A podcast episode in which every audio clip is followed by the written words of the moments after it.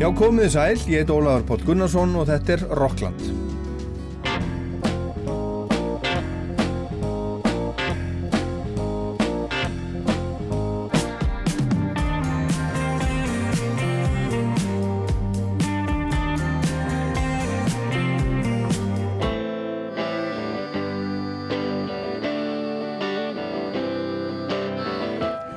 Lagarsmiðurinn og gítarleikarin, tónlistar maðurinn Guðmundur Jónsson var 60 ára á árinu. Hann held upp á það með tónleikum í Háskóla bíói 22. oktober síðastliðin og flutti með aðstóð góð, góðs fólks. Mörg af sínum þekktustu lögum, þau eru orðin hansi mörg. Þekktust er auðvitað lögin sem hann samti fyrir kljómsveitunum sína, Stóru, Sálina hans Jónsmins sem hann var prímors mótor í í 30 ár, 30 ár Gummi á lög eins og hjá þér, undir þínum áhrifum, þú fullkomnar mig, hvar er draumurinn, orginal og sódóma, svo eitthvað sem nefnt og plötursálarinnar eru að minnstakosti 12 en í raun svolítið fleiri vegna þess að sálinn gerði alls konar hlýðarplötur líka, einar plötur með Symfónihljómsveit Íslands, Vatnið, aðra með Gospelkó Reykjavíkur og eina með Stórsveit Reykjavíkur, auk þess að semja tónlist fyrir söngleikin Sól og Mána, plötunar Lóandi Ljós og, og annar máni.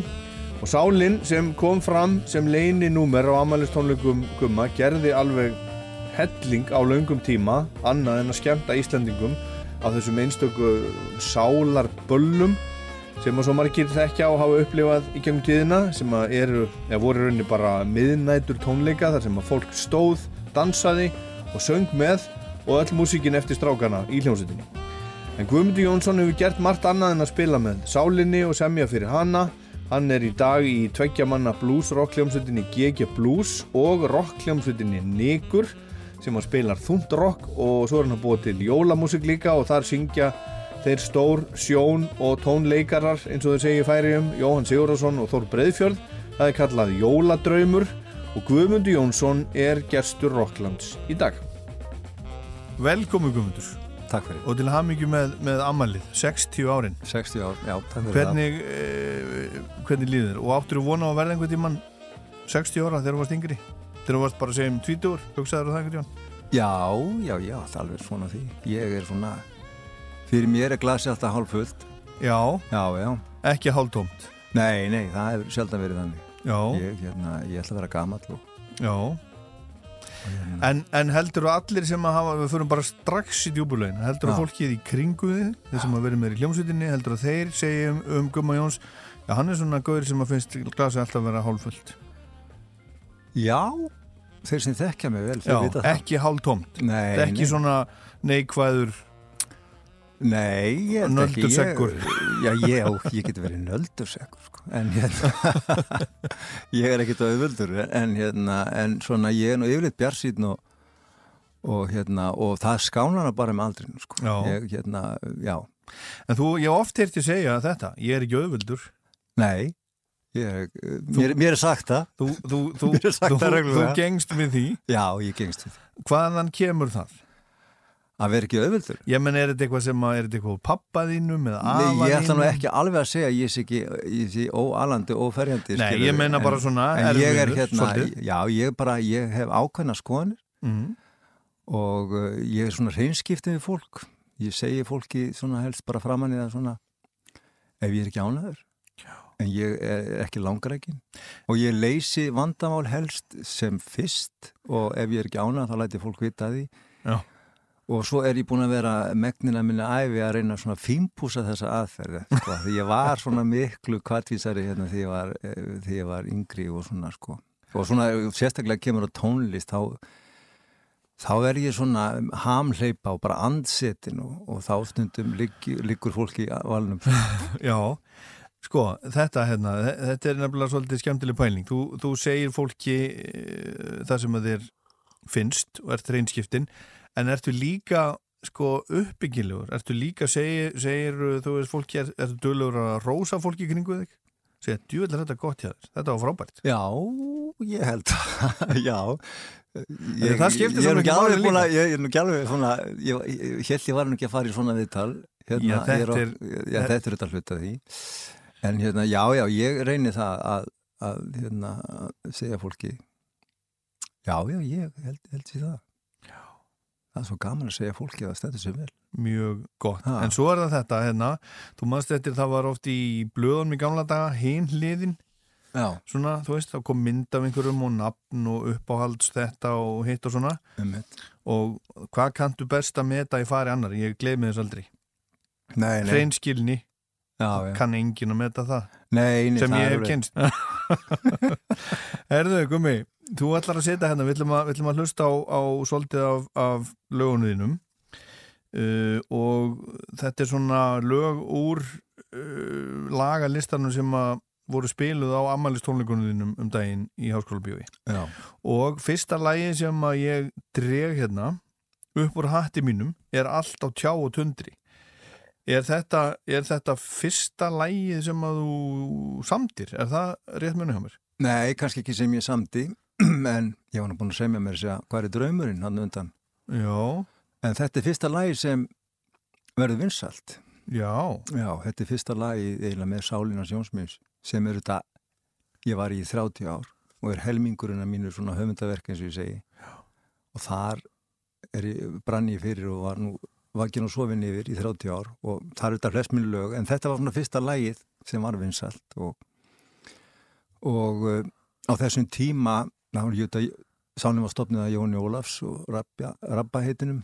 Já, og Halla Þorsteins og þeir fengu okkur mjög steppa til liðs við sig að búa til sólmúsík og svo ykkur tíman í ferlinu þá var ákveð að búa til plötu og Jón Ólafs, svona röggsamur eins og hann er sko, hann var bara gummi, farið heim og sendur lag og ég fór heim og, og reynda að semja svona sóllag með svona með þeim fórmerkjum. Þá kom þetta lag og, og þessi texti líka, ég og hann og uh, ég man, ég átti bara eina línu svona sem ég byrja á, þannig að allt er á tjá og tundri og síðan fór ég bara í gegnum, rýmaði mig í gegnum lagi, sko. Og mér fannst nú ekki mikið til þess að lags koma til að byrja með og, og strákanum ekki heldur. En það var ákveð að kýla það. Og svo einhvern tíman í ferlinu man ég þá náðum við að gera ykkur, svona, kom ykkur galdur. Og þá svona fórum manni eftir að ég og Stefán Hilmarsson Steppi fórum að vinna svolítið saman svona í, í þessu og það gekk rosalega vel. Eitthvað sem við sóttum svo alltaf í árum þar sem komu eftir sko. þegar við vorum svona sömum blasíu þá þá fundum við svolítið út svona, hvernig hlutinu virkuði í stúdíu sko. en ég man alltaf því ég kom með demo að þessu, þessu lægi og og við vorum að fara að spila þetta inn og menn voru að hlusta á þetta og læra þetta og svona, menn voru að gjóa augunum á hvern annan svona, það finnst leist ekkert á þetta sko. þetta var líka svo lélegt demo sko, ég var bara eitthvað raula á kassagítar sko. En, en hérna, sko, oft hafa menn einhverja svona fyrirmynd, er eitthvað lag sem er svona, sem er svona teikningin af þessu lagi? Nei, það var bara ég ég hafði ekkert verið að stúdera per se sólmúsík fyrir ég byrjaði í sálinni. Ég hafði stúdera mikið diskómúsík Já, en sólmúsík er svolítið öðruvísi. Og uh, þar eru svona sjöundar hljómar ef þú kant á gítar. Og hérna og ég, það var það sem ég ákvaði að nota þessar hljóma því ég vissi að það var mikið notaður í sólmúsík og, og, og raulaði yfir þá bjóka til. Og hérna en ég bjóst aldrei við þetta eru svona vinsalt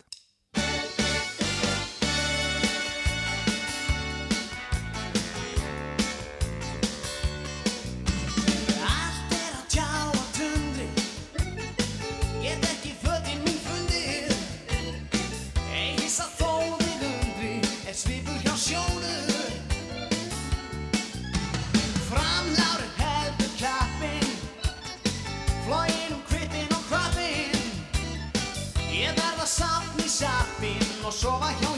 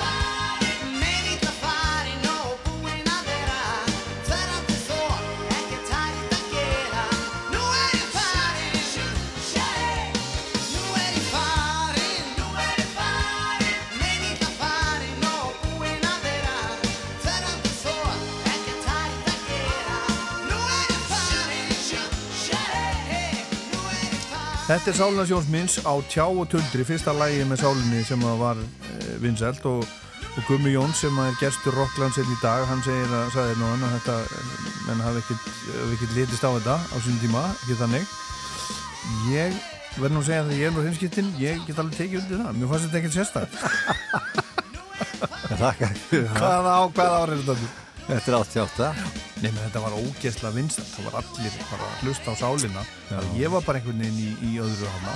Já, já, og hérna það var líka, Steppi var þetta að koma hérna mjög sterkur til leiksins söngari, hann var þetta með alveg einstakar rödd og svona og þetta var allt svona með okkur þannig veist. En svo kom eitthvað moment, ég man nú ekki hvernig það var sem að röddin í steppa breytist alveg Já, kom bara ný rödd, Hva, hvað gerðist þar? ég veit það ekki, ég held ég hafi verið í Englandi þá, búsettur. Já, það var bara þannig Þú, Nei, hann bara fór að, að hérna, beita röddinu öðruvísi og, og bara, eh, hann er bara stútir að sinni söngaldi, sko. Það kom bara rætt. allt önnur sem já. bara, wow, hvað, hvaðan kom þetta? Sko, Stefán er þetta alveg gíkandi góður söngari.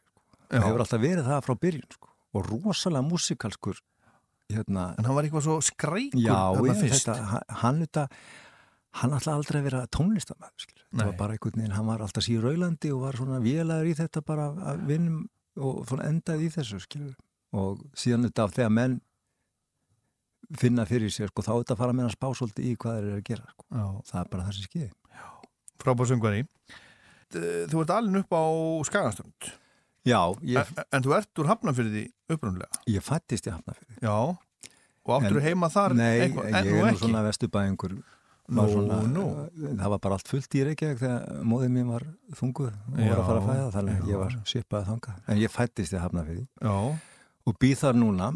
Og hérna, en fimm ára gamall þá flutti fjölskyldan norður á Skagaströnd og ætlaði nú bara vera hann í eitt ár. Pappi var að sjó og, og hérna við vorum að köpa íbúð svona að þjána pening og koma svo aftur í bæinn. Já. en það ílengti þannig að 17 ára gamall þá flutti ég frá Skagaströndi í bæinn að Nei, nei, þetta bara bara hérna uh, bara svona hluti af því að, að ég var að fara í mentaskóla og, og svona. Sko, hvernig, hvernig var að vera, vera strá, strákur og skagaströnd? Og ertu í sambandi við einhverja gamla vini þar og svona? Já, ég á eitt góða minn þar sem heitir Hjörtu Guðbjörnsson og, og ekki námið það hann var mikill áhrifavaldur minn í sambandi við hann spilaði á gítar og átti með þess að fendir gítar. Já, og ég segi alltaf við hann að hann ofta fyrir að ég hef búin að vera fendir maður allar minna tíð og það er út af því að ég prófaði fyrsta ramarskítar hafa gítarinn hans Já. og við spilum svo saman í hljónsveitum uh, þarna fyrir norðan svona í, í balli hljónstum sko og er í góðu sambandi við hann í dag sko og hérna, en, en það var æðist þetta búa á Skagaströnd og það bara uh, svona þú kemur úr þorpi sjálfur og, Mhm. og, og bara sjórinn og fjallið og, og allt þetta sko og þetta var líka mikil uppgangstímar á Skagaströnd, þetta var svona útgerðabær og, og, og hérna, fólk hafði það fínt já. Og hvað, hver, svona, hvað uh, hugsaði uh, Guðmundur Jónsson 10 ára, 12 ára svona um, um, um framtíðina? Hvað- Tíu ára hvað- gamall var ég bara í, í hérna, bara að spila fótbolta og leika mér sko. En var svona að fann að neyjast í að hlusta tónlist. Mhm. Og uh, fæði minn spila á gítar, þannig að ég ólst upp við gítarinn. Og hérna, svo man ég bara eftir því að uh, jafnaldra mínu voru hættin að spila hann í hljónsveit og, og mér langaði bara að fara að spila líka. Og fór að að læra á gítar og svona og, og náði því nú. En það var, það var ekki mikið um tónlistakenslu þarna og Er það ekki? Nei, 16 ára gamall, þá var ég nú fann að kenna jafnöldur mínum að gítar hérna. er það? En hvernig lærið þú? Ég lærði... Það var ekkert YouTube? Nei, nei, ég, hérna, ég man að ég, var búin að nuða í móðu mín að, að færi tónlistakenslu. Svo kom að það góður hérna, tónlistakennari sem kendi nótur og ég fannst það nú ekki skemmtilegt að spila Signi Sól. Er það ekki? Nei, mér fannst það ekki. Ég ætlaði hann að læra að hljóma og spila ykkur lög með Eagles Já. og svona. En sí, sí, hérna, senast í bókinni sem ég var að læra, þetta var bók eftir hérna, stólum við hvað hann heitir, fræg og gítarleikari. Óli Gaugur? Nei, en þar voru hljómar, senast í bókinni og ég lærði þess að hljóma af sjálfum mér. Já. Og svo man ég eftir því bara að það var einn dagur, þá skildi ég allt hvernig sístinni virkaði. fimmutarhingurinn og tóntegundur og allt og já, það er sem sagt kerfi hérna í gangi sko. og þá er ekkert aftursnúið og ég vart talað um þegar strákarnir minni, ég á mig unga stráka er í símanum sko og þið get ekki slett símanum. Það var alveg eins og þegar ég var með gítarinn. Ég þurfti á fimm mínútna fresti að fara og spila eitthvað á gítarinn. Já, þetta var svona algjör síki og það er ótt sagt að svona 18, 19, 20 ára gammal þá kantu það sem þú kant á hljófærið þú verður ekkert mikið betur, betur eftir það skil. þessi ári eru bara þannig þau eru mótandi. Mann ég las viðtal við Brian May hann sagði allt sem ég kann kunni ég 19 ára gammal og ég skilða mjög vel, þú, svona, þú kannski snurfussar þetta og gerir svona, Já, já. lærir kannski svona einhverja aðra tækni en þú basically komið þangað Já. sem þú kemst en svo er líka annað, þú veit að eitthvað sem þú þarft ekki að hafa fyrir það er að vera hérna, músikal sko. það er talent, sko. það er eitthvað sem er meðfætt og Heldur það? já, það er það Þú getur, Er ekki allir með þetta? Er þetta ekki bara æfing? Nei, Er þetta ekki þarna 10.000 tímarnir og áhugin og nei saman? það er bara ekki þannig þú heldur ekki? Ég veit það bara og hérna, þú getur reynt að, að, að, að já, einmitt æfa þig undir drep en þú nærðir þessu samt ekki ef þú hefur ekki hæfileikana með þetta Já, Ég er ekki að segja það sé að skilmi þig, Óli minn en hérna Ok. en eins og ég var að minnast á hann þetta er líka gríðaleg ástundun sko, og ástriða sko, Já. og þú nærði ekki þessu ef þú hefur ekki gaman að þessu Þú ert ástriðum maður. Ég er mikill Á ástriða hvað hlustaði litli, litli gummi? Herðu, það var hérna á þessum tíma hvað erum við að tala um? Við erum að tala um uh, 72 upp úr því, þá var ég 10 ára. Þá var uh, tónlistastefna frá Englandi sem var mjög vinsæl sem heit Glam Rock. Og Þú varst í því. ég var í því. Ég bara, Gary Glitter. ég segi það nú ekki. T- T-Rex. Gary Glitter Hann var nú einn aðalgæinn. Já, já, nei, aðalgæðinni voru sleituð Já, Slade. Já, það er Já. náttúrulega bara rock'n'roll, sko. mitt, hvað er að því og hérna, þetta var kallað glamrock og ég var algjör sleit aðdandi og, og átti eins og byggi haldósi alla kartna með og í orðsins fylstu merkingu Já. og hérna, það hlusta ég mikið á og, og veist, allir úrlingar lenda í svona obsession með einhverju tónlistamenn við þekki nú djúran djúran næði og svona sko. Uh það var sleit fyrir mér. En auðvitað fór maður að- hlusta á, á, á öðruvísi músík en þarna á svona litlum þorpum svona 500-600 manna þorpum eins og skaðþund var sko, þá þá voru bara svona einstaka ég bara svona stráka vinni, kunningja minni sem áttu plötur. Og þú fjast lánaða plötur sko, ef þú þekktir á vel sko. og Mhm. þannig kannski Hjá stóru strákum. Já, svona, þetta var ekki það voru ekki allir sem voru svona að, að sapna plötum og, og hlusta á, á músík og þannig þess heyrði ég Fleetwood Mac, Pink Floyd og svona á velveldum uh, kunningum. Hjá stóru strákum. En svo var þetta líka það að þeir sem voru svona alharðastir sko, ég og hleiri, sko, við pöntum okkur tímaritt frá Þýskalandi sem héttu Bravo og Pop Já, þið þurftu að panta það. Já. Þetta var nú bara selt í bókabúðinu Akranesi. Ég, Já, ég, ég er nýbúin að henda mínum, það sko. var ekki 72 og hérna þá pantaði maður þetta út á land skilur og þar var maður að horfa á myndina sko. Jú, jú. Plaggot. kunni ekki staktor í því sko. Ég veit það, ég, ég kefti þetta alltaf. Herðu, en hvað, hver er nú tenging? Er einhver sleit tenging við hvað er draumurinn sem er næsta lag? Já, ég var svona spáði í það sko að því ég hlustaði svo mikið sleit var þekkt fyrir svona eins og kallaði er á, á ennsku anthems svona stuðmúsík þar sem allir syngja með.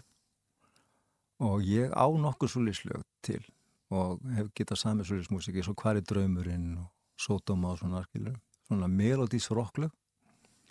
Og ég er ekkert frá því að það komi bara frá Sleit. gömlu hundunum frá Birmingham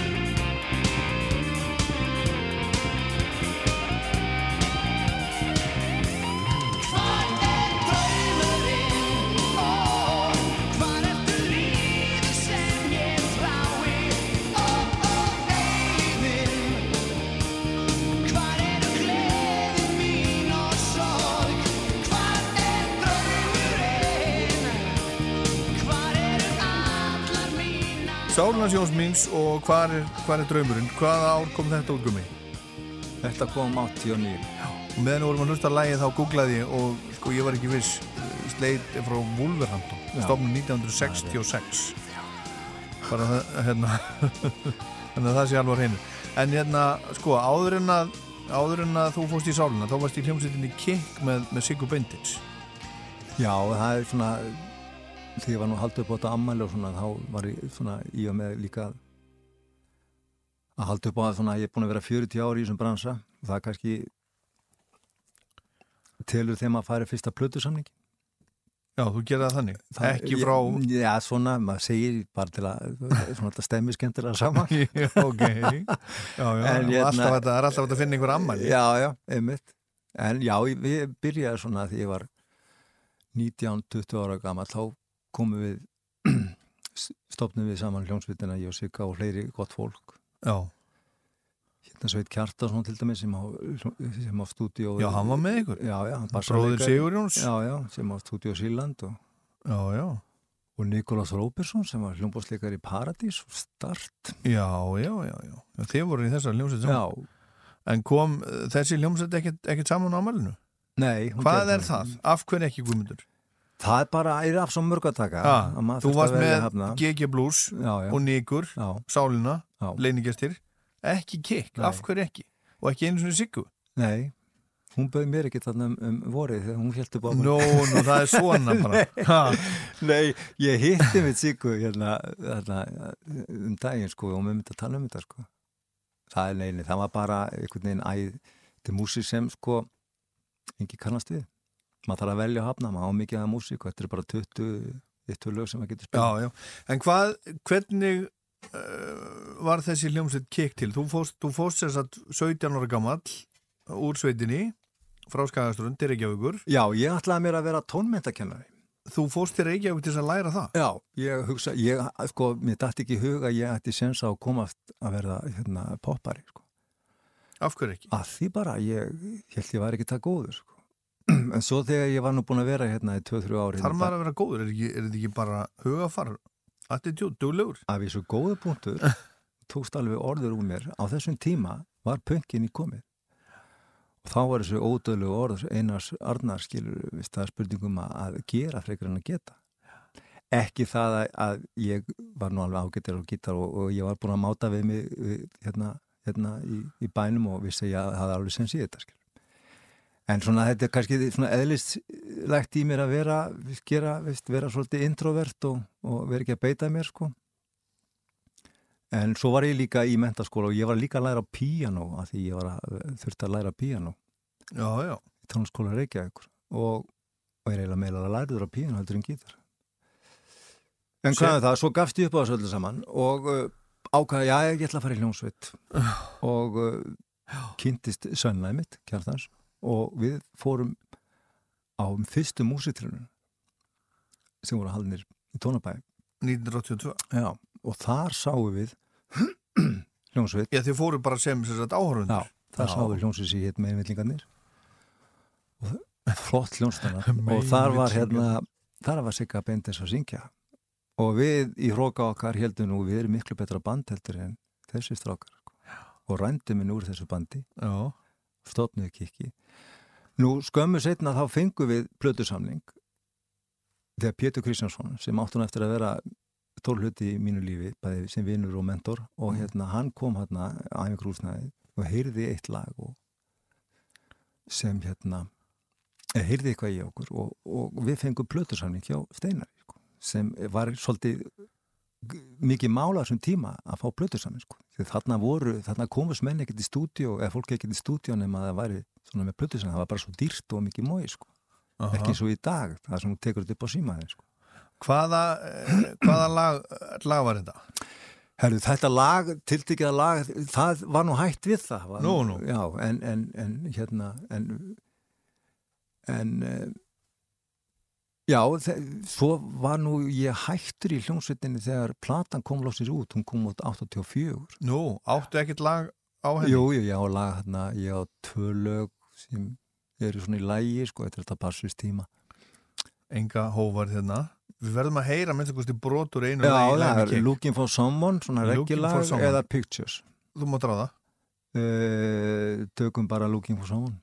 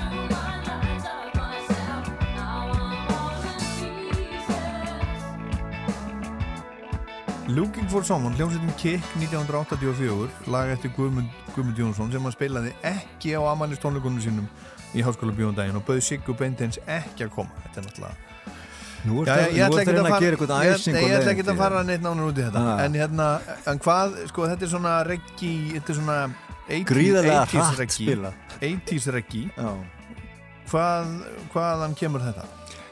Við vorum undir miklu svona, hvað maður segja, nýbylgi áhrifin. Við vorum að hlusta á bönd eins og Blondies og Pretenders.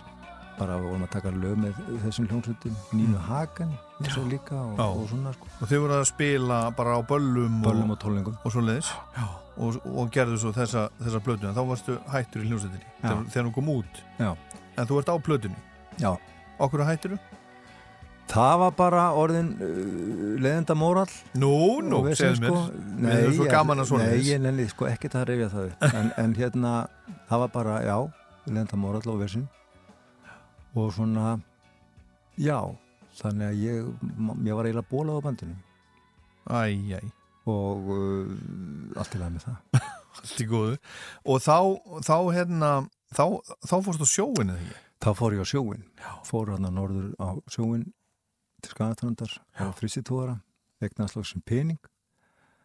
Og hérna en ég þetta held ekki við það að því mér þetta bara langaði að vara aftur að spila tónlist og Já. sá mig ekkit vera að ég lengist þarna fyrir norðan. Sem betur fyrir þá gleifti, gleifti tógarinni ekki og sjómennskan Nei, ha, það var svo, svo lítil hætt á því en, en það var ágætt að nú stilla sig.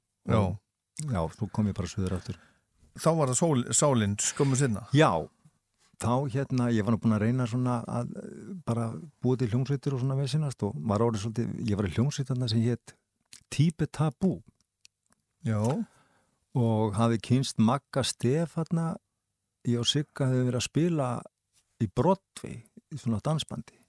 Og Maggi Stef var í, í því bandi trommuleikarinn sem var í, var í Ego og útakarsmenn og við stopnum svona band sem við vorum með Jóa Eðis hérna söngara Mhm. en hvað er það? Það gekk ekki neitt hvorkinni rakaða band og svona ég orðið svolítið fústrirar á þessu hvað þetta gekk illa eins og skeður oft í þessu þjarkjöllu það er maður fær hugmynd og hún gengur bara ekki upp og veginn, einhverju luta vegna og svo hafði ég kynst Jóni Ólafs og svona gegnum uh, bara bransan og, og hann bauð mér að koma í þetta dæmi Sálan Sjónsmið, þá var bítlæfina félag komið frí Mhm. sem var vinstalsta hljómsveit landsins þá og þeir ætlaði að stopna band svona í mildtíðinni, fengum mig að steppa inn í þetta. Og ég bara mér langaði bara að spila með góðum músikundum sko. Það sem var, það var menn kunna að reka band og það var eitthvað erindi og það var eitthvað í gangi og svona kraftur í mönnum sem þeir voru allir þetta. Og ég man alltaf eftir fyrstu æfingunni sko þá vorum við að æfa fyrir eitthvað ball ykkur 20-30 sólu sko og það var bara hendi þetta og bara farið í gegn og mér fannst ég vera að veikast í lekkurinn í bandinu sko. Mhm. sem var þetta er mjög holdt það spýti maður í lóana og, og, og, og reynda að gera svo vel sko. Það var mikið reynsla að, að spila með þessum strákum Halla, Rappa og, Jóni. Þeir voru þetta frábæri músikantar. Já, Já þetta, er, þetta er Rappi og Jón Ólafs, Halli Þorsteins, þetta er náttúrulega uh, bara hetjur. Þorstein Jóð kom eitthvað nálega þessu líka þegar ekki.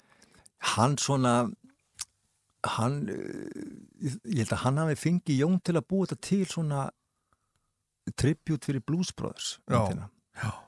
frægu hérna Mm -hmm. þannig veist, kom þetta til eins og oft bönd vera til í kringum ykkur gig sem Já, er já. búið til skilur og svo bara fíluðu við allir að spila Mhm. mm tónlist þetta er alveg ótrúlega skemmtileg tónlist og bara, veist, Bruce Springsteen sem við erum nú báðir hrifnir af, hann var nú að gefa út bara coverplötur núna um daginn Jú, jú, Með- sólblödu. sólplötu skilur og þetta er þessi tónlist þarna gefur og gefur og hérna og ykkur tíman heyrði ég það nú utan að mér að ég hef nú verið fengin í þetta banda því ég hef verið góður að spila svona diskoritma sko. ég elskaði hérna sík á sínu tíma og, og fílaði disko mjög vel sem var nú ekki vinsalt á þessum árum innan um alla rockarana en mér er nú alveg nett sama hvað fólki finnst. Ef ég fíla ykkur að tónlist þá bara fíla ég það. Og ég hafði mjög gaman að Rodgers skilur, sem he- heldur betur hefur nú fengið uppreist næður. Heldur betur maður. því þetta er alveg gríðarlega. Já, og já. ég hef alltaf verið svolítið svag fyrir rithmaleikurum Já, og til dæmis á þessum árum síðan var í kikk þá var til dæmis Pólís að slá í gegn. Og Andy Summers með sína opnu hljóma og, og þetta var á þessum tíma þá voru gítarsólón bara burti með þau, það var bara veist, það var bara gamaldags, það var verið svona þetta var upprist gegn öllu hippadæminu og svo progressive rockinu sko. og það það var bara gítarinn bara notaður öðruvísi. Já, og ég var alveg að, að hérna, fíla það. Þannig að, og svona rithmi og síðan þetta kom U2 inn í dæmið. Svo svona, þetta, ég hef alltaf verið svolítið svag fyrir þessu, skilur. Og þetta var til dæmis svolítið mitt hlutverk í, í Sána Sjónsmið. Það var ekki mikið, gítan hafði miklu hlutverk að gegna í sambandi við rithman og, og alls konar svona arbyggir og stöf. Þannig að þetta er alltaf verið mitt elska svona rithma, rithmagítileg. Mm -hmm. Herðu, næsta lag á nýjum stað.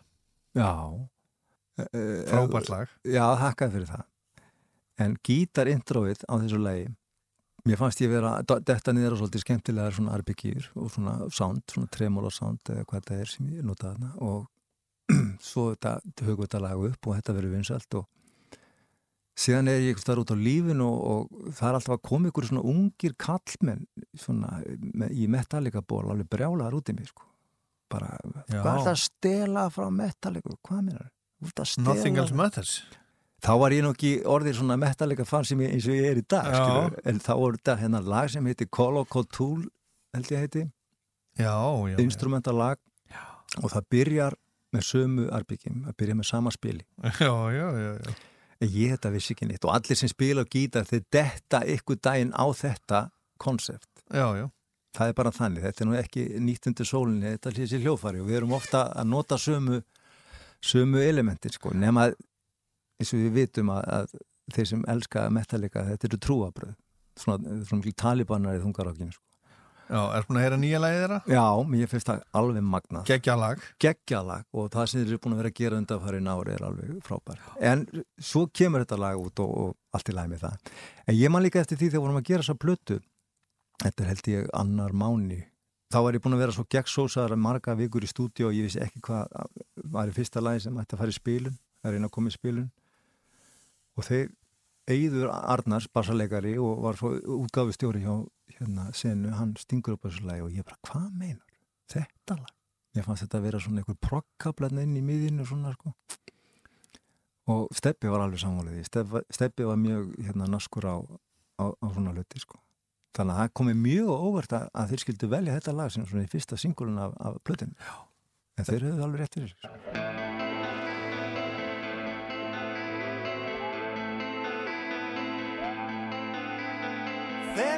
allt er gengið niður og fangar ekki sest á ný.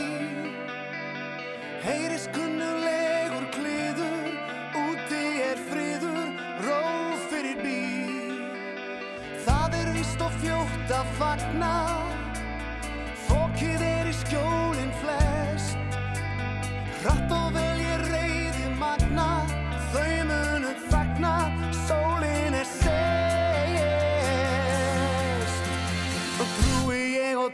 og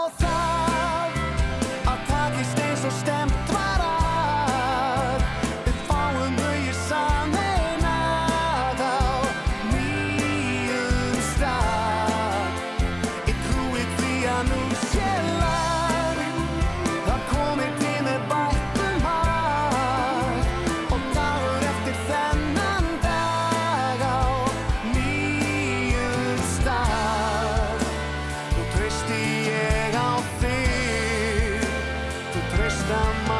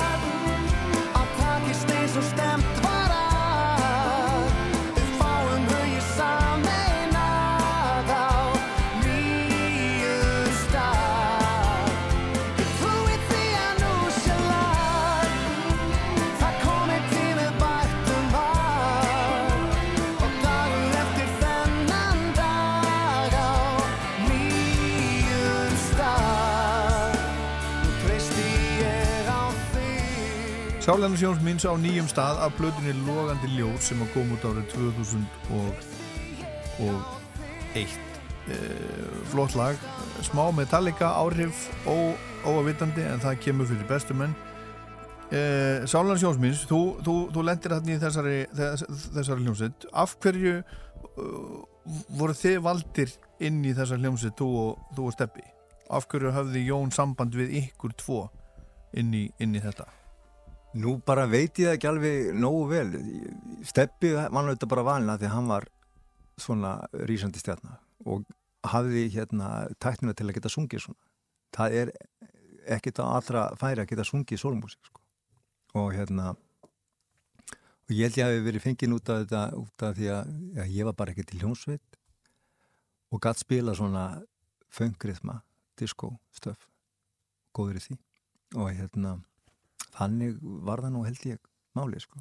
Mhm. Þetta er eins og er bara í bransanum, sérstaklega þarna á þessum árum þá var ekki þessi gífulegu fjöldi af góðum tónlistamennum eins og er í dag. Það er bara, veist, krakkar í dag eru svo ógeðslega góða hljófæri, það er yngulega lít sko. En þarna á þessum, að- fyrir 30 ánum síðan þá þetta, voru bara menn að læra hljófæri hver á einni sínu hotni sko. Já. Og það var ekkert allir sem nefndu því sko. Þannig að ef maður var að leita bassaleikara þá var vitað aðvökunum bassaleikara í, í Mosfellsbæ skilur við, þetta voru bara eins og einhyrningar, svona Já. einhver sjálfgjafar verur já, skilur já, við. já, já. En, en Gummi eh, hvena var mest gaman í sálinni? Hvernig var mest gaman? Sko, eh, ég bara veit það ekki. Það voru 30 ár. Já, þetta voru 30 ári, já, það komu, ég held svona, til dæmis að fyrstu árin svona þegar við vorum að eh, kringum, sko, eftir þetta sumar hann sem sálinni stopnu, þá fara þeir að halda áfram með bílavelna félagsflakunir og ég og Steppi ákvæðum að, að halda áfram. Og við þekktust við sjáum sér ekkert mikið voru svona, og ákvæðum bara já, sjá hvað þetta fer, skil nema hvað þetta var ekki fyrir hann árið setna þegar við gáum út hvað er draumurinn þá svona voru orðin band. Og í kjölfæra á því var ansi góð tími í nokkur ármanni þar sem öll þessi klassísku lög komu fram. Síðan komu nú brestir í bandið og svona og, og ég held að bandið hann svona verið í ekki mikilli funksjón hann í kringum svona setnipartin á eldinni sko nema svona af og til. Síðan gáð út plötuna 12. ágúst þá var ég flutti ég ég hafði flutt til London hann í fjögur ár kom svo heima aftur. Og gáð út á plötu og kjölfarið var gríðarlega sem var gríðarlega vinsæl. Og þá fengum við svona segli, vindi segli í annarskipti sem Já. okkur alveg bara í 6-7 ár. Og við það var- fram yfir undir þínum áhrifum þá svona var komin svolítið eh, þreita og, og svona en, en það tímabil var rosalega gott tímabil sko, það var- bara svo mikið það var bara svo svakalegu kraftur og við gerðum svo flotta hluti sko. Og til dæmis þegar hún núna því á þetta ammali og er að fara til, ég hef ekkert spáð í sálinu þannig lagað en ég svona þurfti svolítið að gera út af þessu. Og þá bara rann upp fyrir mig hvað ég er stoltur af þessu bandi hvað við gerðum mikið. Við gáum út 13-14 orginal plötur mm veist, ótrúlega magnað. 150 lög skiluru og, uh, og alls konar músík í þessu mengin sem við áttum skilur. Aha. þetta var bæði soulmúsík, groove stöf og þetta var balluður, þetta var rock harsvíðar rock skilur við og svo vorum við með öll þessi element líka við sömdum þetta og, og allt saman sjálfur og tókum þetta upp allt saman sjálfur og spilum þetta á böllum, fluttum þetta og rákum þetta allt saman, gerum þetta allt saman sjálfur og uh, það er meirinn að segja og svo þegar maður er svona lítið tilbaka þá þetta er ég ógislega stoltur af því. En þetta var vist unnið eins og skeppnir í þessi 30 ár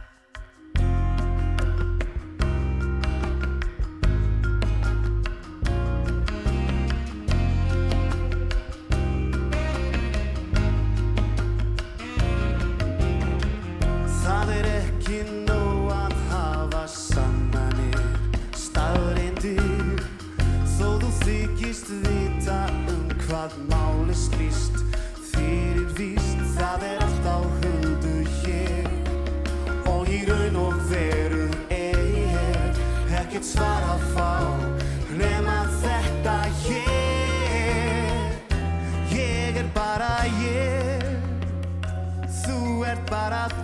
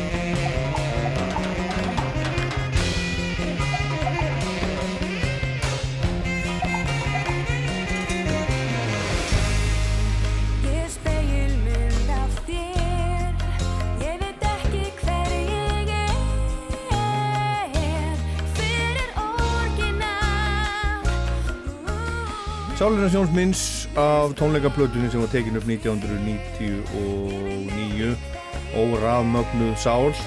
Við höldum áfram með Gumma Jóns og Sálina og margt fleira í Rocklandi hérna rétt á eftir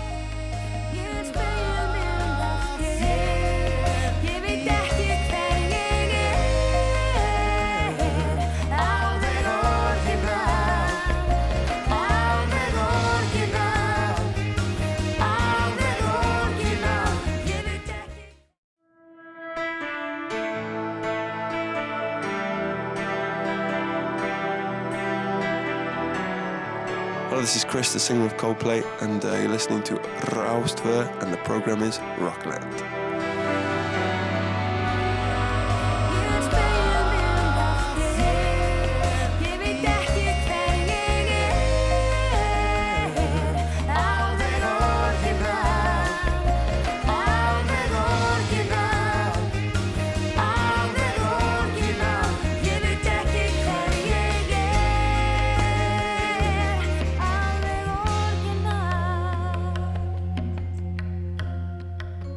Orginal af plötunni 12. ágúst 99 tónleikaplata. Þarna var svona uh, nýtt, nýtt uppaf hjá, okkur svolítið. Já, Er þetta tekið upp í loftkastalum eða NASA?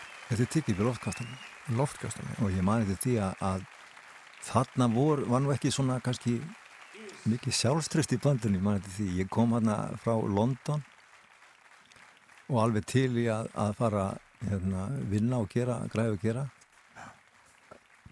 og þá var svona, ég man eftir því að, að það var svona e, maður heyrði viðtal við átna matt og fleiri svona spekuluranda í að þannig að þessi gömlu risaður síðanskinn sól og stjórnin og nýtönsk og sáli, þetta er bara búið. Nú er það bara kvarasi og botleiði og þetta sko. Þetta er að Já. New Kids on the Block sko. Og þannig að þetta var svolítið svona þú voru þrítur, bara búið. Já, þetta er svolítið þannig. Og, og það var bara, ég burti þess að gömlu hundar sko og já, ég var með 38 ára á þessum tíma sko. og þá ákvaði við, já, það hefði komið upp hugmynd að gera svona ömplögt dæmi og við höfum ekki meiri trú á þessum það að við seldum hérna síma fyrirtæki í gigi við tókum ekki sensin að það kæmi neitt á gigi sko, Nú, í loftkostunum nú, nú, nú. það er bara þetta Selduði símafyrirtæki Já, alla með hana? Já, og hérna svo við þurftum ekki að að hafa ágjur af, af hérna að kæmi ykkur, ekki neitt sko. Og ég menna, og maður þurfti að svolítið að rífast fyrir því að þetta er tekið upp og upp í sjónvarp og svona sko það hafði ekki trú á þessu beint sko. Þannig að sem var til þess að við ákvæðum bara að reyna ekkert að höfða til eins aðeins nefnum okkur sjálfra. Leifum okkar að hafa þessi lög svolítið löng og löng intro og svona og reynum að búa til plötu, tónlist og við vissum að þetta kemur farið aldrei útarpi sem við myndum stoltir af ef þetta verður svana söngur Já, það var svolítið þannig sko já, já. menn getur þetta komið sér onni í alls konar hólur svona þegar menn eru hérna Já, já. stressaðir Já, þetta var, en þetta var nú til heldur- þess að við, við tókum þetta við tókum þennan punkt í þetta og, og síðan kemur þessi plata út og, og verður svona svakalega vinsæl. Það er líka bara að feða það þetta er svo oft þegar maður er tíðarandi nær í skotti á manni sko, og þarna bara fór allir að fíla sálina sem var til þess að upp úr því gáðu við hellinga stöfi mm og leiðum okkur bara að vera okkur við sjálfur skilur. Já, þarna gerði þið bara nákvæmlega það sem, að, það sem ykkur langaði að gera. En, en hérna förum aðeins til Bretlands. Þú, þú, þú bjóst þar með, eh, með Dóru? Dóru takkir fúsa. Dóru takkifúsa og, og hérna Hvað voru það að gera þar? Ætlaði að meika það í Bretlandi? Nei, Nei. Ég, ekki þannig lagað. Ég ætlaði bara að búa þar, jú, ég, ekki að meika, en, við vorum bara svona að prógrafar, hún var, var með sína pælingar og svona og, og við byggum hérna í Fúlam og á þessum tíma var mikið að skemmtilegum fólk hérna sem bjóði í borginni eins og Jakob Fríman og Raka Gísla og Karl Heitin Bersen og fleiri. Mm Og Þetta var mjög skemmtileg svona klíka af fólki hérna og megnið þessu tíma var ég að vinna hjá Atlanta flugfélagin. Nú, Já, ekki rockstar. nei. Hvað varst að gera? Ég var að vinna, ég var deildastjóri þar sem sá um, um, um, hérna, um flugulapartarinn að koma þeim með viðgerð. Já, ok. Það, við fórum hann að þetta var svona æmyndir að mennska, við fórum bara hann út með hérna, strákin okkar hann Daniel sem var fimm ára þá sko. Og höfðum ekki íbúið eða vinnu eða neitt, bara ættum hann út, það var íbúið að opna svolítið í Evropu út að Evropu, hérna, einhverjum díl sko. Og svo var ég bara, hitti ég þarna eh, Helga Hilmarsson vinn minn sem vinnur hjá Atlanta og spurði hvort hann hefði ekki vinnu handa mér. Jú, jú, kanntu að liftara? Já, ég kann að liftara. Búin að vera í fristurúsinu fyrir norðan mörg ára auðvitað því ég var gutti. Já, ég get, ég, þú getur fengið vinnu hérna í, í tvo daga við að taka hérna af, af vörubíl. Og síðan enda ég svona þessi deildastjórið Já, þarna í já. að Flutti til Englands til þess að vinna á liftara. Basically. Ha. Er það ekki ágættis svona klikk? Hvað árið þetta? Þetta var 296. 96, já. Og, og hvar var sálin á, á þessum tíma? Sálin var bara svona dormað í, í, í hérna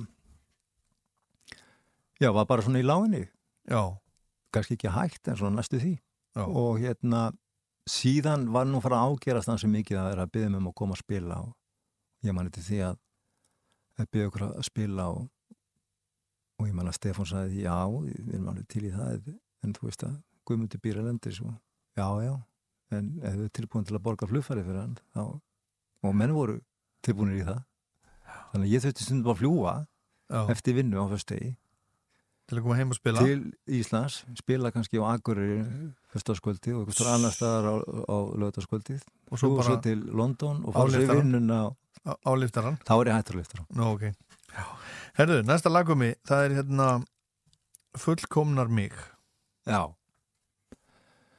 Þetta er, já, ég er mjög ánægð með þetta lag bæði, Þetta er svona brúkaupslag. já en þetta var nú ekki þannig þetta var svona anti-brúkafslag til að byrja með Nú, sko við vorum, ég man við vorum ekkert að spila þetta sömar sem þetta lag kom út og uh, Július Kemp uh, kvikmyndaframleðandi var að gera mynd sem heitir Maður eins og ég þar sem hann Jóngnar leikur aðalitverkið aha, það vantaði lag í ykkur að sinnum þar sem að væri svona hallarislegt, vemmilegt ástalag. Svona yfirdrifið já, já, já, já. og hann bað hvort við getum samið svona lag og að textin væri svona yfir öll sálsökamörk í sambandi væmni. Og Steppi tók það að sér og ég átti þetta lag til. Og við fyrir í stúdíu og tökum þetta upp og, og Steppi fyrir alveg yfir strikið í þessu. Nema hann veit að gera það ekki hann veit að samti bara eitt fallegasta afstæðteksta sem til er. Og Stefán líka þannig hann er eins og nokkri íslenski söngarar eins og Helgi Björns og fleiri þeir geta það sem þeir syngja þeir selja það sko. Þeir bara þú fyrir að trúa því skil. og uh, þetta lag kom út og þetta kom í myndin og allt það og þetta, svo bara fekk þetta líf og, og mér þykir rosalega vænt um þetta lag. Þetta er svona frekar einfalt lag sem ég ánum til að gera svolítið flókin lög sko. Og þetta er bara mjög svona einlægt. Og mér finnst þetta líka eh, sánda vel, mér finnst þetta hljóma vel. Ég ránaði með sandið yfirleitt er alltaf eitthvað sem bögga mann þegar mann er að hlusta á svona lög sko. En þetta er svona eitt af handfyllar lögum sem ég er mjög ánægð með alveg frá allir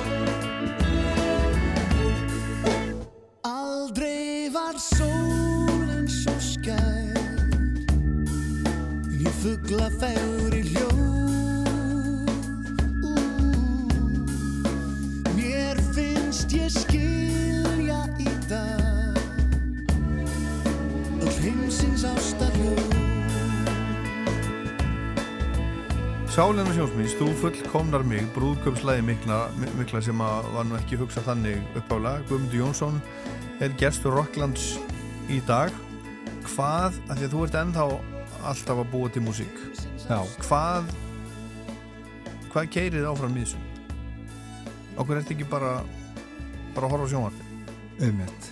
Ég spyr sjálf með það margóft. hvað vesen er þetta á þig? Ég veit það. Uh, þetta er bara, er ekki Ég- í ég- sjónvarpinu? ha, Er ekki í það er hellingur, hellingur í sjónvarpinu. Nei, ég var nú bara tildulega ungur því ég bara gerði mig grein fyrir því að þetta er eitthvað sem ég ræði ekki við. Og uh, þetta er bara, þú mútt kalla þetta ástríðu, þráhyggju, köllun, rugl og þessar tilfinningar eiga við alveg suma daga skilur og hérna en þetta hefur bara alltaf komið auðvitað til mín laglínur, stef og hluti. Ég hef einhvern veginn ég, frá því ég bara byrjaði að spila hljófari það fór ég að semja stef og svona hluti. Og fyrir mér hefur það alltaf verið aðamálið í tónlistarsköpunni ég hef aldrei verið ykkur gítar leikari vilja vera ykkur heti á það. Fyrir mér er þetta bara verkværi til að koma lögunum á framfæri.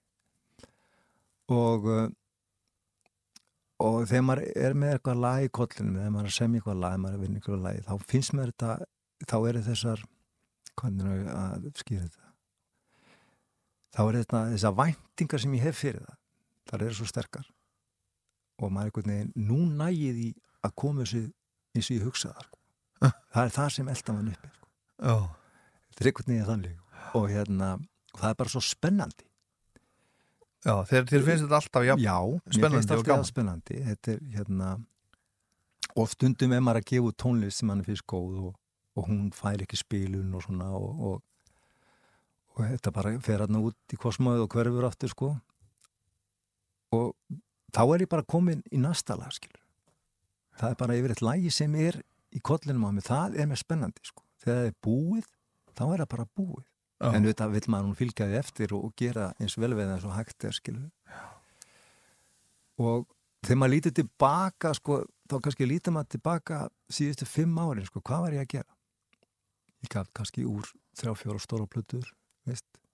og í því er kannski fjögur fimm lög sem ég finnst góð en þetta þetta það gefur mér sko og telandi um því ég get lítið tilbaka og er kannski með 200-300 lög þá er slattatna músík sem ég þykir vænt um Mhm. og svo er þetta hinn hliðin á- jöfnunni að það er þetta fólk maður er þetta að stemja fólk, hérna, tónlist til að spila fyrir fólk Já. helst að gera á tónlíkum eða þá bara veist, á plötum og þegar þú sér það eins og ég upplýði á, á, á hérna, ammælistónleikunum mínum hérna á hérna, háskóla bíó þúsund mann sem koma hérna yngöngu til að, að samgleðast mér og tónlistin og svona, það er, það er ótrúlega gefandi tilfinning þegar maður finnur það að tónlistin hefur áhrif á fólk sem virkilega sálinn til dæmis gerði skilur. og það er bara þeir sem hafa reynda sem bara skilja út af hvað þetta gengur þau voru að spila eitthvað músík og þú sér það að fólk er að syngja eða eitthvað slið það er bara þá er þetta komið úr svarkvíti lit sko. Næsta lagumi, undir þínum áhrifum er það inn á topp 10? Já, Á þínum lögum? Algjörlega, sko. Já, Það er eitt af þessum lögum sem eru oft bestu lögin þegar þú koma liggur við full sköpu á bara tímynd eins og skeiði fyrir mig í kjallarinn á Hjallavegi því ég var að semja þá kom þetta lag og ég hugsa mig, ok, núna er ég að stela ykkur þetta er allt og grípandi og orginal fyrir veist, þetta skipti, þetta kom líka allt á fljótt og það kom uh, rævillin og hækkun, það kom allt lægi rævillin Já. Það er, það, það? er, það er kallað middle late á önsku Já, ég kallað rævill, það kemur kapli í lægi sem kemur bara einu sinni fyrir. Til að brúa bil í eitthvað annað. Aha. eftir sóló og endasóló við kallum þetta rævill hérna í mínum hóp. Já, já. og nema hvað, ég gaf mér alveg þrjá fjóra daga til að til að fara í gegnum þetta byrju, hvar hef ég hýrt þetta? Og tekkaði á hellingastöfi sem ég fannst vera líkt. En svo fann ég bara enga sansvörun sko, þannig ok, ég ábæra þetta lag. Og ég man ég var að gera sólóplötur á þessum tíma. Ég var að semja fyrir sólóplötur sólóplötu og ég sem er, já ég ætla sko ekkert að setja þetta á sólóplötu, þetta er eitthvað sem sálinn tekur. Þetta, ég þarf að bara að steppa til að syngja þetta almennilega, þetta er það stert lag og þegar við vorum að gera þessa plötu undir þínum áhrifum þá áttu við þetta lag alltaf til þetta kom um hausti þegar plata kom út og við vorum búin að gefa út ykkur, ykkur lögum sumar í svona singla sko. og við vorum allir svo rólir við vissum að stóra lagi var alltaf eftir skil. og svo þegar að koma út þá þetta var þetta bara strax instant klassík sko. og eitt af svona stóru lögunum með, með sálinni og, og gaman að það skildi koma þarna, ég held að það hefði komið 2007-2008, nei, maður ekki. En kom svona setni partinn sko, á ferlinu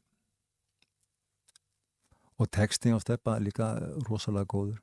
Og þetta má ekki gleyma því í öllu þessu bullum eða því ég er að refla um þessu lög og svona, þá er þetta verður, vist verða textahöndun að fá þetta sitt að þetta helmingurinn af jöfnunni sko, það er textin og, og, og söngurinn poptónlist gengur út á söngvaran líka sko. og þetta er allt þetta bara samilegt, ég var bara svo lánsamur að, að starfa með þessu stráku svona lengi og, og, og við, það var eitthvað galdur þarna millakar sko. og þessi sem hefur bara lifað en þetta er þetta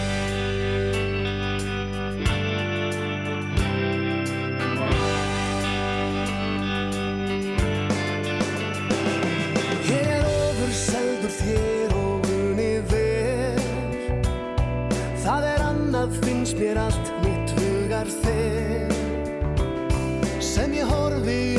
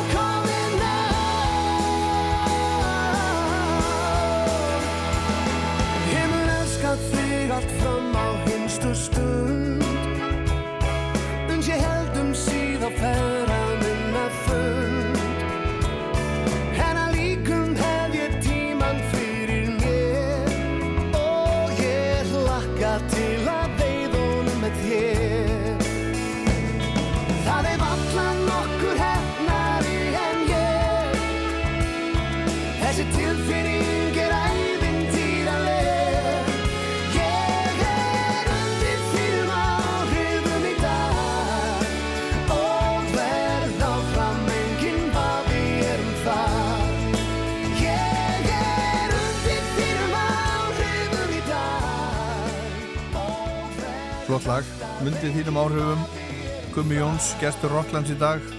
Var 60 ára árinu þetta er, þetta er 60 samanlýs árið tónleikar í háskóla bíói um, um daginn. Ég var ekki þar, ég sá bara, sá bara myndir og alls konar svona halleluja eftir þetta. Akkur komst þú ekki? Ég maður það ekki. Ég var bara, var bara að horfa sjónvarpið. Ég var bara að horfa á sjónvarpið eða eitthvað Svo vel- svo- það var eitthvað sko. nei, býtu, ég man, nei, nei, ég man hérna að því að, að því að þú varst nú hjá mér hérna sko í föss daginn fyrir tónleikanum manstu? Já. það var eitthvað sem að ég var að gera, hvort ég var í skólanum eða eitthvað, ég var, ég var upptekinn Þú varst að hefði- horfa á málningu þóttna? Nei, ég var ekki að gera það, ég hefði viljað koma ég hefði, hefði, hefði svo sannlega viljað koma en þú, þú segir að hérna, þú ert alltaf með sam, sama gítarinn og þú, þú, þú segir ég nenni ekkert að vera eitthvað að vera einhver gítarhetja eitthvað svona, þú ert nú samt svona gítarmaður, þú ert alltaf með sama sama hljófarið, en samt er það eins og hamarinn að sama, búið skipt um, um body tvisvar og háls trisvar eða eitthvað ekki? Búið að skipta um hálseins Já, Það var gert í árdaga. Já, Já, ég hérna ég hef sem ekkert haft að orða ég fyrir bara núna að þessi gítar, ég var 19 ára gamall ég kefti hennar gítar, nota hann og þú ert alltaf með hennar eina bara. Nei, ég á fleiri gítara en þetta er svona aðal Þetta er bara, já, mér þykir ég vænt um hennar gítar. Þetta er ekkert sérstaklega góðu gítar. Nei, Nei, það er það er lélugu bara. Þegar ég segi það, ég kann bara á hann. Ég veit alveg hvaða staði hvernig ég á að höndla og þetta er svona þú ert búin að vera með ykkur að spýtu og víra framan að þér helmingin aðvinniðinni eða meira þá hérna, þá kanta á þetta. Og mér líður bara ógeðslega vel með hann að geta, ég fæ allt út úr hann sem ég vil fá sko. en ég því miður bara ekkert verið eins og margir kollega minni í, í stettinni sko, græju skilur nei. Og hérna og það er bara eins og það er Þetta er, þetta er bara mjög eðlilegt sko, þó maður hafi gaman af að ferðast til dæmis í bíl og Mm. það maður getur hafa neitt sérstakann áhuga á bílum, Nei, nei, er það ekki? Það er bara Er þetta ekki svo leiðis? Jú, jú. En, hver, en þú átt en þú átt nú samt hérna uppáhald skítaleikari hver er uppáhald skítaleikarin? Ef maður bara nefna einn Bara nefna einn. Já. Ég allir bara, í, þá nefni ég bara The Edge hérna í U2. Ég er búin að hlusta mikið á U2. Alveg frá, bara frá því ég var tvítur.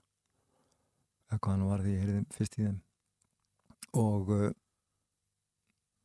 hann er bara svo skapandi. Já, Hann er bara alltaf að reyna að finna nýja farvegi fyrir gítarinn í mitt og var að reyna að komast út þessu típiska blues, rock dæmi svona sem gítarinn er svolítið fastur í sko.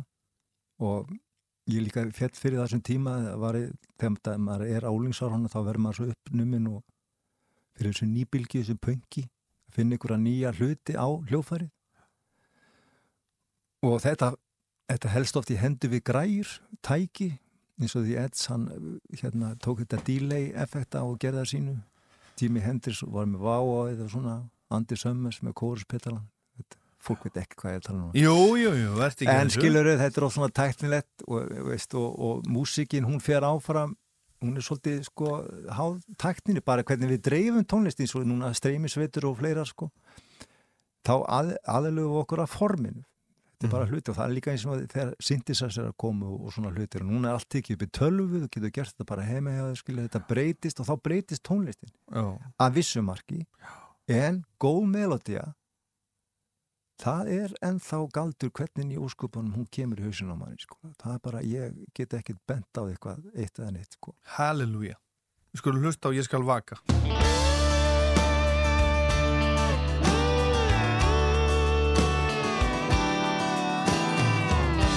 Hérna sitt ég og horfi á þig sofa. Þú tala látt upp úr svefni stöku orð. Annar staður á morgun önnur ástúr Sér hver stund sem við eigum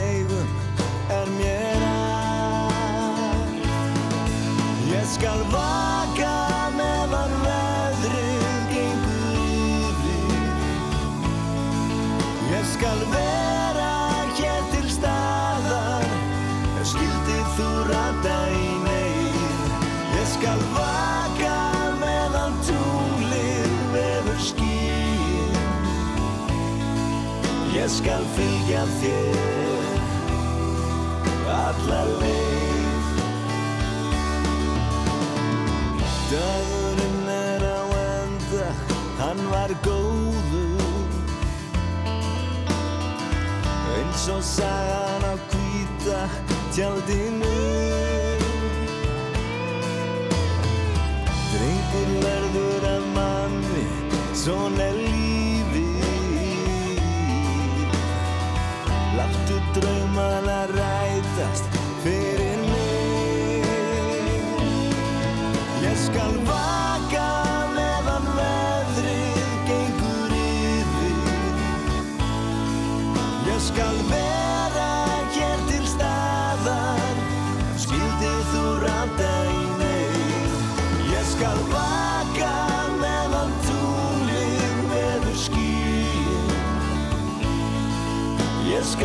skal fylgja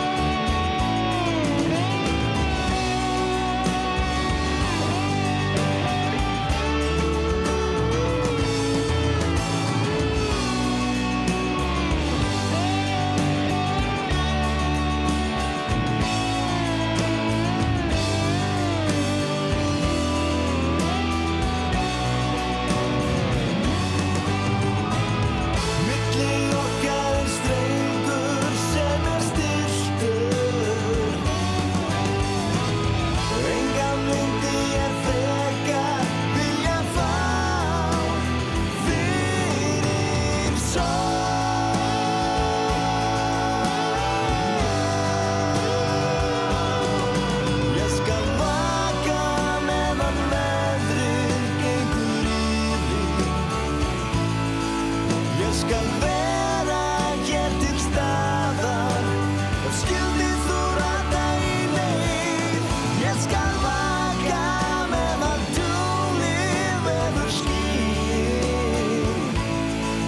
Ég skal vera hér til staðar. Ég skal vaka, þetta er, þetta er Gummi Jóns þetta er af, af einni af sólblöðunum, er þetta ekki á fyrstu sólblöðunum? Jú. Já, já.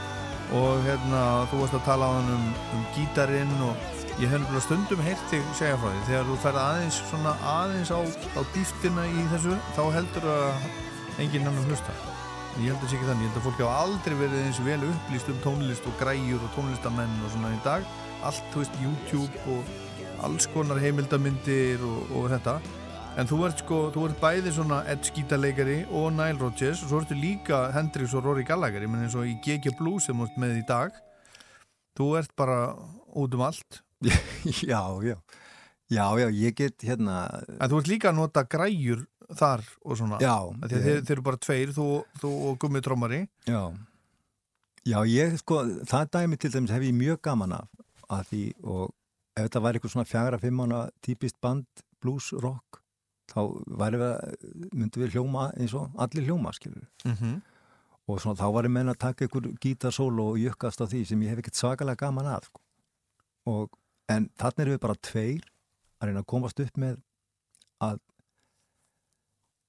að láta hérna lægið virka og það er svo mikið tjánir skilur. ég hef gríðarlega gaman að sitja með svona hömlur og þegar maður var að vinna eins og oft í, í sálinni sko, þá talandum hérna 12. ágúst þá til dæmis ágóðum við það að hafa ekki trommusett bara slagverk Já. á þeirri plötu þá kom annar, annar sound skilur og þegar maður er að gera mikið að tónlist þá þú veit alltaf með sama sömu aðferðina aftur og aftur og alltaf að nota sömu litina sko, þá verður þetta leiðingjart og þú þarf að fara svolítið út fyrir formið og, og kannski neytar um einhverja hluti skilur.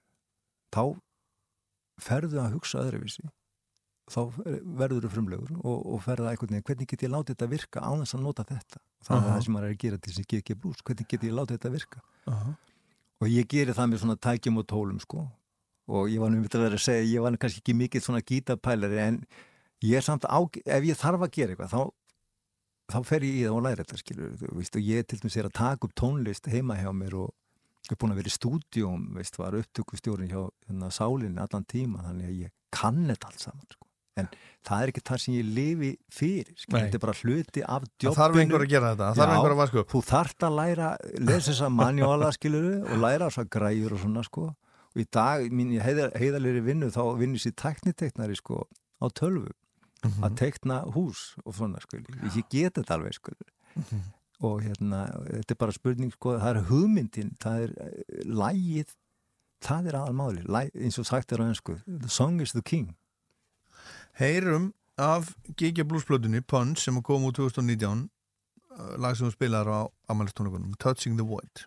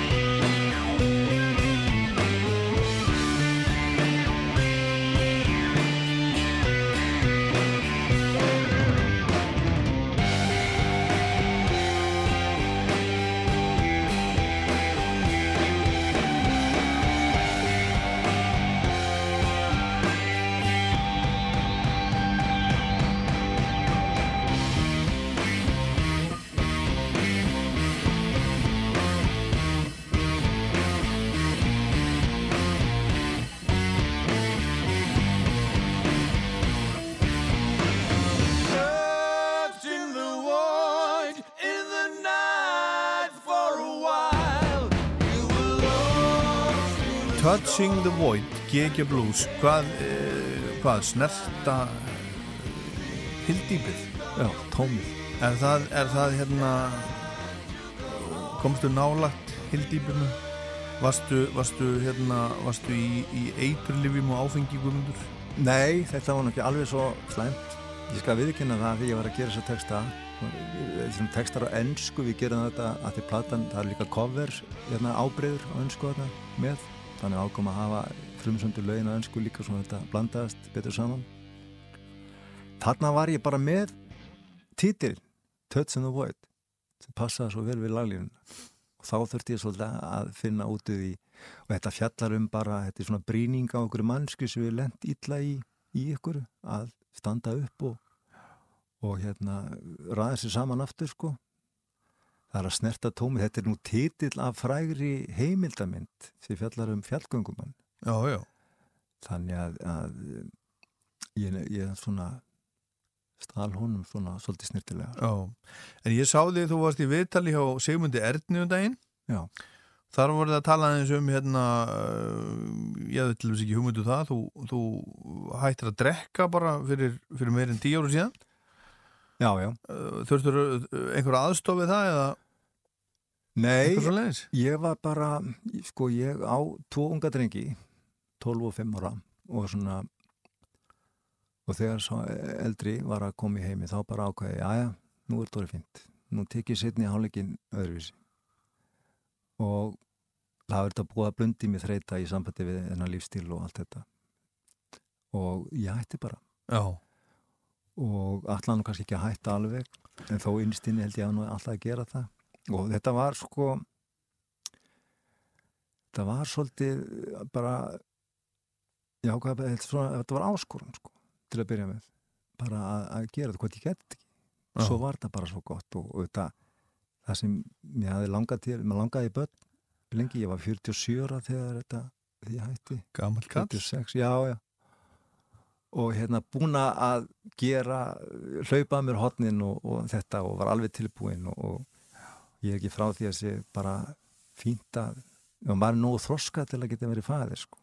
og, og, og það er þetta það sem er fyrst og fremst hjá mér í dag, það er þetta að vera bara góðu fæðir og, og því ég geta verið að drekka brenni vínum helgar eins og halvviti sko. já, drakstu mikið? já, ég drakk illa Er það? er svona, já, mér fannst það og hérna, Og varstu leiðilegur með víni? Nei, mér fannst Ha. það viðslu með víni Já, en lendir ykkur vesenni svona eitthvað? Nei, nei, þetta var nú ekkert svona, þetta Ekkert var svona þannig? áunin alkoholismi, og ég kalli þetta sko og sérstaklega þegar þú ert svona eh, búin að vera aðdunumæður í tónlist og svona sko, þá ræður þú sjálf við þér og þetta er viss lífstíl sko, þú þekkir þetta svo sem veist hvernig út af hvað þetta gengur en hérna en þú meina svona hljómsveita já, bara, já, já, bara þetta. Og svona þessi, þessi svona eh, hallarislega mítar sem fylgir sko, vera down and out og svona rock lífverðni skilur, þetta er allt í læði þegar þú ert svona ungur og vitlega sko, en þegar konar miðan aldrei þá er þetta alveg hallarislega sko. kannski. Að öðru förum úr, úr áfenginu í, í uh, músikina já, hérna sko ég var að skoða plötunir ykkar. Þið voru náttúrulega að gera svona soulmusik þegar, þegar þið voru að byrja. Bara svona tjáutundri og ábyggilega og eitthvað svona. Já. og svo gerist alls konar, svo er þetta þarna óramagnaða platan svo er það söngleikurinn, Sól og Máni. Bara ótrúlega metnaða fullt Sálin og Sinfo 2003 Mhm. Sálin og Gospel og Reykjavíkur í Ljóðarsvall 2006 svona Sálin og Stórsveit Reykjavíkur upp á niður stíðan, þið voru að gera svona bara alls konar svona uh, svona, svona þetta Já, var reyna að vika svolítið út þetta mengi sem við vorum með sko, hvað við kemist upp með og fá svona önnu element inn í þetta. Og uh, sem held ég hafi nú bara verið til þess að við vorum ennþá fólk var ennþá spennt að hlusta á okkur. Já. við vorum ekkert ennþá alltaf að gera hvað er draumurinn? Nei, en þið voru alltaf að spila áfram á svona tónleikum og böllum, alltaf að spila ykkur einn músík, en svo voru alltaf að gera nýja músík svona sem var kannski ekki hugsað fyrir, fyrir það eh, við, fó, koncept. við fórum svona við fórum alltaf svolítið kannski út fyrir mörkin eins og við gátum sko. Svo fórum við nú oft inn, inn á miðina og, og geðum kannski svona poplög inn á milli og við gáum út svona þrjár svona sapplutum að segja af munanar þessum lögum sko. Sem komu bara út svona singlar sko garg, arg og glamr hérna sem var stútfullt af, af svona útasvænum lögum og okkar af svo vænum einstæðingum. Já, eins og bara frægustu lögin okkar eru þarna eins og Sodoma og hjá þér og þú fullkona mig og, og lestin er að fara og svona lög sem voru voru vinsal á böllum. Og við líka tókum þetta þessi böll svolítið held ég tvö- 94 þá 45, þá vorum við farin að spila bara okkar eigin tónlist á böllum. Og ég man allt eftir því að ungu maður fór ég á hérna, stuðmannaball miðgarði og þar sem þið komum fram í ykkur búningum og, og spiluðu bara sín eigin tónlist. Og þá áttu þið bara tvær, þrjár plötur. Þeir áttu ekki mikið að stöfi sko. og mér fannst bara þetta svo djart hvernig komist upp með að, að spila þetta aðeins að vera að taka kritisk lífóti eða eitthvað svona inn á milli sko. Og bara, þeir þetta voru bara svo miklu skemmtikraftar og lögin voru svo góð. Svona, þetta var svona blúprintið, þetta var svona já, þetta var gaman að geta gert. Og því um leið og við gátum gert þetta þá gerðum við þetta á þessum tíma sko. og þetta var bara þessi böll voru bara við byggum bara til sér koncept það var bara sálarböll var bara eitthvað sem fólk var bara svona einstakt dæmi skilur. Það var bara aldrei þögn á milli lag það var keirt á hvert einasta lag aftur og aftur og aftur og liðið trill, það var eins og diskotek bara. Og við höfðum bara svo mikið af vinsanum lögum að við gátum haldið þetta út í tvo og hana tíma. Mm -hmm. Þú maður spila næst lag næst síðasta lagið í þættinum sem að heitir Fyrir utan gluggan þinn. Hvað getur þú sagt okkur um það? bara með slítið Mest lítið, Já. lustum þá bara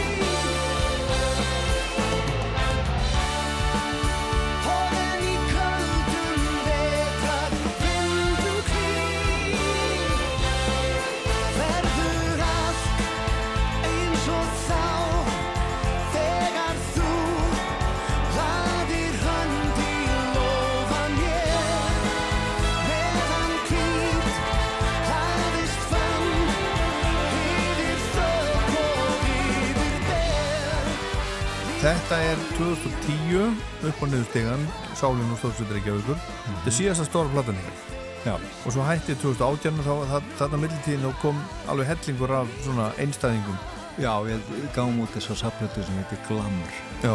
Það var svona síðasta. En svo hætti þið Já. Það var ekki fílingur Nei. og það var ekki gaman og það var leiðilegt og það var best að vera ekki vera ekki, hérna, vera ekki saman í ljósið En Ef, hérna, ef hérna áhætti getur sé svipin á Óla núna. hérna uh, uh, sak, Saknar það sólarinnar? Já, ég geri það og hérna, ég var drullu fúll að þetta skildi fara svona, sko. að Við, þetta var nú svona bara þetta er alltaf leðilegt þegar svona hlutir hætta. Ég held samt, að þetta hafi verið kannski óumflýjanlegt. Við bara höfðum ekki svona gæfi til að bera að geta tala okkur niður og svona gert út um máli. 30 ár, veist, við- ég var elstur að sko, 25 ára þetta byrjaði og hérna fólk þetta breyti skrýðarlega veist, fólk getur bara svona ímynda sér sjálfsög sko, sitt líf sko, það er þetta búin, að- fólk gengur í gegnum ímislegt og svona sko. Og svo er að halda eldunni við á þessu litla markaði og vera reyna að vera spenntu fyrir þessu það er svolítið erfitt og svo bara kemur að því að fólk bara vil fá frí, gera eitthvað annað Já En reyndu þið, eh, sko, gerðu þið eins og, eins og Metallica, fóruð þið, fóruð þið, fóruð þið ráðgjafa, Jónabars ráðgjafa? Nei, Ah. sæði nú ekki þennan mannskap var þá leið sko. Nei, menn að stundum þarf bara, þarf fólk einhvern veginn að fá utan að komandi aðstóð Já, já. til þess að tala saman, hvað sem það eru hjón eða, Já. eða bara hljómsveitir, ég menna, þú veist. Já, já, það er alveg rétt. Nei, það er, kom ekki til tals. Og svona, um, því miður, ég hef alveg vilja halda áfram. Já, Þannig laðin en þetta var bara, meðan voru bara búin að fá nógu og hérna, og, og þegar þetta er ekki gaman eins og segir, sko, þá bara, þá gerir maður eitthvað annað. já. En nóg um það, það er komið að loka læginu sem að er jólalægi, þú er búin að, búin að vera að gera jólalögnuna, jóladraumur. Já, Þar ertu með Þór Breiðfjörð og Jóa Sig. já, eru, þóleikara. eru fleiri, Já, svo er hérna, söngkona hérna Íris Lind og fleiri. já, Þetta var svona, ég samdi alltaf ekki 2013 þá samdi ég þá senda mér, Kristján Hrinsson sendi mér texta hann er svona farið oft yfir texta fyrir mér svona, hvort ég sé að sambandi við íslensku svona, íslenskuna og, og hann sendi, herði ég sendi hérna texta því mér finnst að vera svolítið hljónfallið þitt hann. og hérna, hvort ég geti gert lag við þetta. Og ég hef aldrei gert lög við textaður þetta er alltaf verið öfugt, Já. alltaf búið til lögin fyrst og svo koma textaðinu eftir þannig að ég ákvaða að gera, gefa mér svo góð gera tilhörna á þetta og, og samtíku 13 lög já, bara þá. Já, eða svona í, á þessum, þessum tíma, þetta var eitthvað viku, álum mánuður, ég man ekki hvað það var. Og svo bara var ég bara ansi hrifin af stöfi og vorum, þetta var svona, þessi texta voru svona einhver svona söngleikja pæling hjá honum. En síðan fór þetta aldrei löndneströnd og þaðan kemur kom Jói Sig stórleikar inn í þetta sko. Og svo þegar þetta var ekki fara að gerast neitt í þessu þá ákvæði ég einmitt eftir að ég egnaði strákana mína sko, og orðið svona jólabatn aftur að ég þurfti að fara að tikka við þetta boks að búti jólalög. Aha. ég hafði aldrei gert það. Þannig að ég ákvæði að fara að gera svona búa til eitthvað dæmi sér til jóladraumurinn og búa til jólalög og hef, er þetta lag sem er komið núna út sem heitir Jólinu dansamlega er sjötta lagið og vona einu öðru núna fyrir jól. Já, þannig að ég ætla að koma þessu svona hverju ári, tvö, þrjú lög ég koni upp í tíu lög. Þá komið jólapata og þetta er byggt svona lauslega á sögunni frægu hérna Christmas Carol með Charles Dickens. Dikka, já, já, já. og hérna það er svona sæki mér yrkisefni í það. Og, og hvað þetta lag hérna? hérna þetta lag, Jólinni Jól- dansaleg til dæmis, eh, Jói sig, hann eh, svona syngur í, í orðastað hérna skröks Ah, og þegar hann var ungur skrúð þá hérna vann hann hjá manni sem hétt Fessivik sem var svona mikill gleðimaður. Akkurat. hafði gaman að halda veislur og svona og elskaði jólin og allt sem fyrir þau stóðu. Og Þór Breiðfjör hann syngur í orðastað hans. Já, og þetta er svona almenns eðlist svona texti, þetta er ekki beint svona söngleikja svona drifið áfram með einhverju sögutræði sko. en, en mér fannst gott og finnst oft gott að að nota ykkur svona því ég er að gera texta nota ykkur svona ykkur sögur og við hefum ekki minnst á aðra hljómsveit sem ég er nú mjög spenntið fyrir sem heitir Nikur. Mhm. þá hef ég verið að gera þetta líka þar að búa til eitthvað konsept og, og, og hérna, semja textinni því og, og til þess næsta ári þá ætlum ég að reyna að gefa út þessa plötu mjög á draum fyrir eftir ár. Og það kemur vonandi líka ný plata, þriðjar plata með hljómsveitinni Nikur við vorum búin að ákvæða það, ég og Davíð Þór þegar við stopnum þá hljómsveit sem er svona spila hard rock, að gefa þrjálplötur þannig að ef, ef hérna ef tunglin, tunglin raðast rétt upp þá verða tvær plötur vonandi á næsta ári. Já, já, hérna Guðmundur. Það er engilega að hætta Það er engilega að hætta. Sagði. og alls konar lög, alls konar dúr og mól Takk fyrir komuna Gumi Já, takk fyrir að fá til mig. hamingjum ámalið Takk, Takk fyrir alla músíkina. Bara verðið að góða og gleðileg jól. Gleðileg jól. Og þannig enda Rockland dagsins, ég heit Ólaður Páll Gunnarsson, takk fyrir að hlusta. Hlustið rík, þrýfið hátt og lágt, skrúpið hólf og gólf, engan slæpingshátt og ljósa skrautið allt á sínum stað. Til, bæði borð og stól, fólki streymir að, bráðum koma jól, já syngjum dátt og dönsum nema hvað. Gefum okkur tíma til að lifta okkur upp. Njótum þess að lifa því